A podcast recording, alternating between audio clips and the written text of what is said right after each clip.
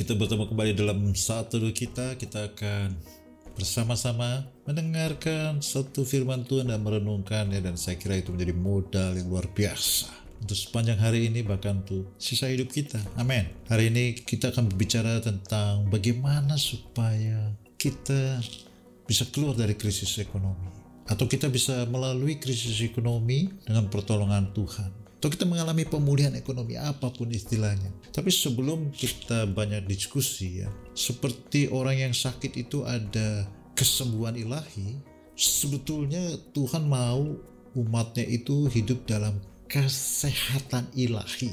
Kesembuhan ilahi itu sih bagus ya, cuman ya kenapa harus sakit?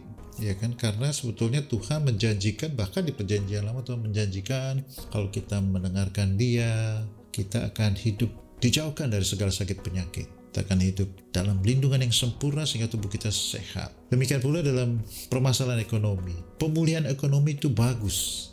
Tapi sebetulnya Tuhan mau supaya kita hidup dalam keadaan yang tidak kekurangan. Mazmur 23 katakan, Tuhan adalah gembalaku, takkan kekurangan aku.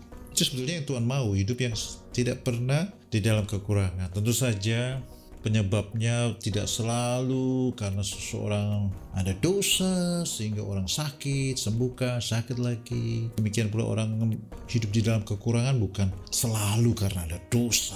Ya. Tapi bisa saja bukan karena hal seperti itu, tapi karena salah percaya. Karena kita mempercayai sesuatu yang mungkin sudah turun menurun, apa perkataan orang, sehingga kita tidak bisa secara polos, secara tulus mempercayai bahwa kalau kita beribadah kepada Tuhan, kita tidak pernah kekurangan.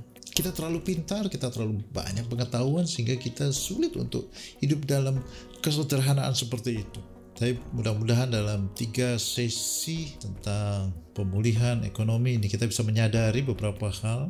Yang pertama kita akan baca dari ulangan 8 ini perkataan Musa kepada orang Israel sebelum mereka memasuki tanah perjanjian hidup punya banyak tanah, eh, ternaknya akan berlipat kali ganda dan menikmati tanah yang penuh madu dan susu. Uh, di ulangan 8 dikatakan di ayat 18 tetapi haruslah engkau ingat kepada Tuhan Allahmu sebab dialah yang memberikan kepadamu kekuatan untuk memperoleh kekayaan dengan maksud meneguhkan perjanjian yang diikrakannya dengan sumpah kepada nenek moyangmu seperti sekarang ini. Jadi Tuhan katakan tentu saja kekayaan relatif ya, kekayaan uh, bisa punya pulau atau tidak tidak kekurangan ya di zaman orang Israel ketika memasuki tanah perjanjian tidak semuanya juga menjadi raja yang punya segala sesuatu.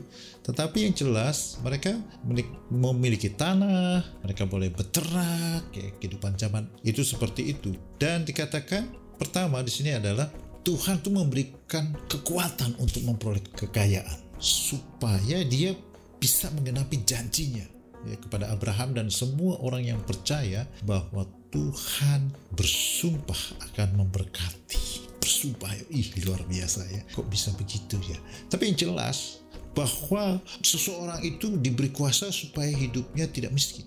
Wah, kok bisa ya? Kok bisa begitu? Ya, kalau orang bisa pergi ke dukun untuk mendapat kekayaan yang tentu saja kuasanya itu ada kekuasaan palsu.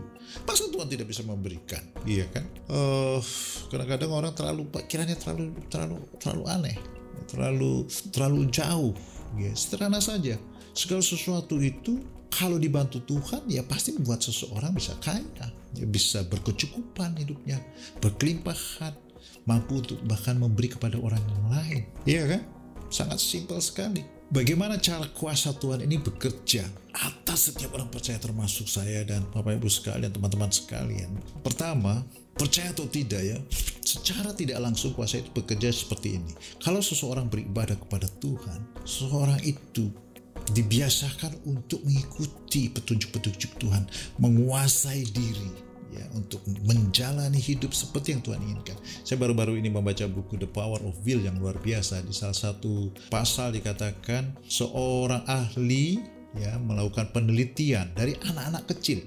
Ya, ketika anak-anak kecil ya mereka di diberi cobaan istilahnya dikasih makanan cookies ya makanan kecil lalu Yang satu itu nggak tahan langsung dihabisin. Padahal semuanya dikatakan disuruh tunggu, ya disuruh tunggu beberapa waktu baru boleh dimakan. Jadi yang sebagian ini nggak bisa tahan. Ketika ditinggal dari uh, dibiarkan sendirian di dalam ruangan ada sebagian itu nggak bisa tahan langsung makan itu cookies. Lalu sebagian yang lagi mematuhi apa yang di, di, diperintahkan dia bisa menahan waktu karena nanti akan dikasih reward dikasih uh, dua kali lebih banyak cookiesnya kalau nunggu lebih uh, beberapa waktu dan setelah itu beberapa tahun kemudian diperiksa kira-kira akhirnya hidupnya orang-orang ini seperti apa? Orang yang nggak bisa menahan diri, menguasai diri itu, hidupnya kalau kuliah nilainya kurang baik, ya. Kalau melakukan segala sesuatu itu tidak seberhasil orang yang bisa menahan diri. Orang yang menahan diri nilainya bagus-bagus, ya. Pekerjaan pun baik-baik. Jadi ini kalau orang beribadah kepada Tuhan, membiasakan diri untuk tertib hidupnya dan mengikuti aturan Tuhan, itu secara tidak langsung dengan sendirinya dalam kehidupannya, pekerjaan, usaha pasti lebih sukses.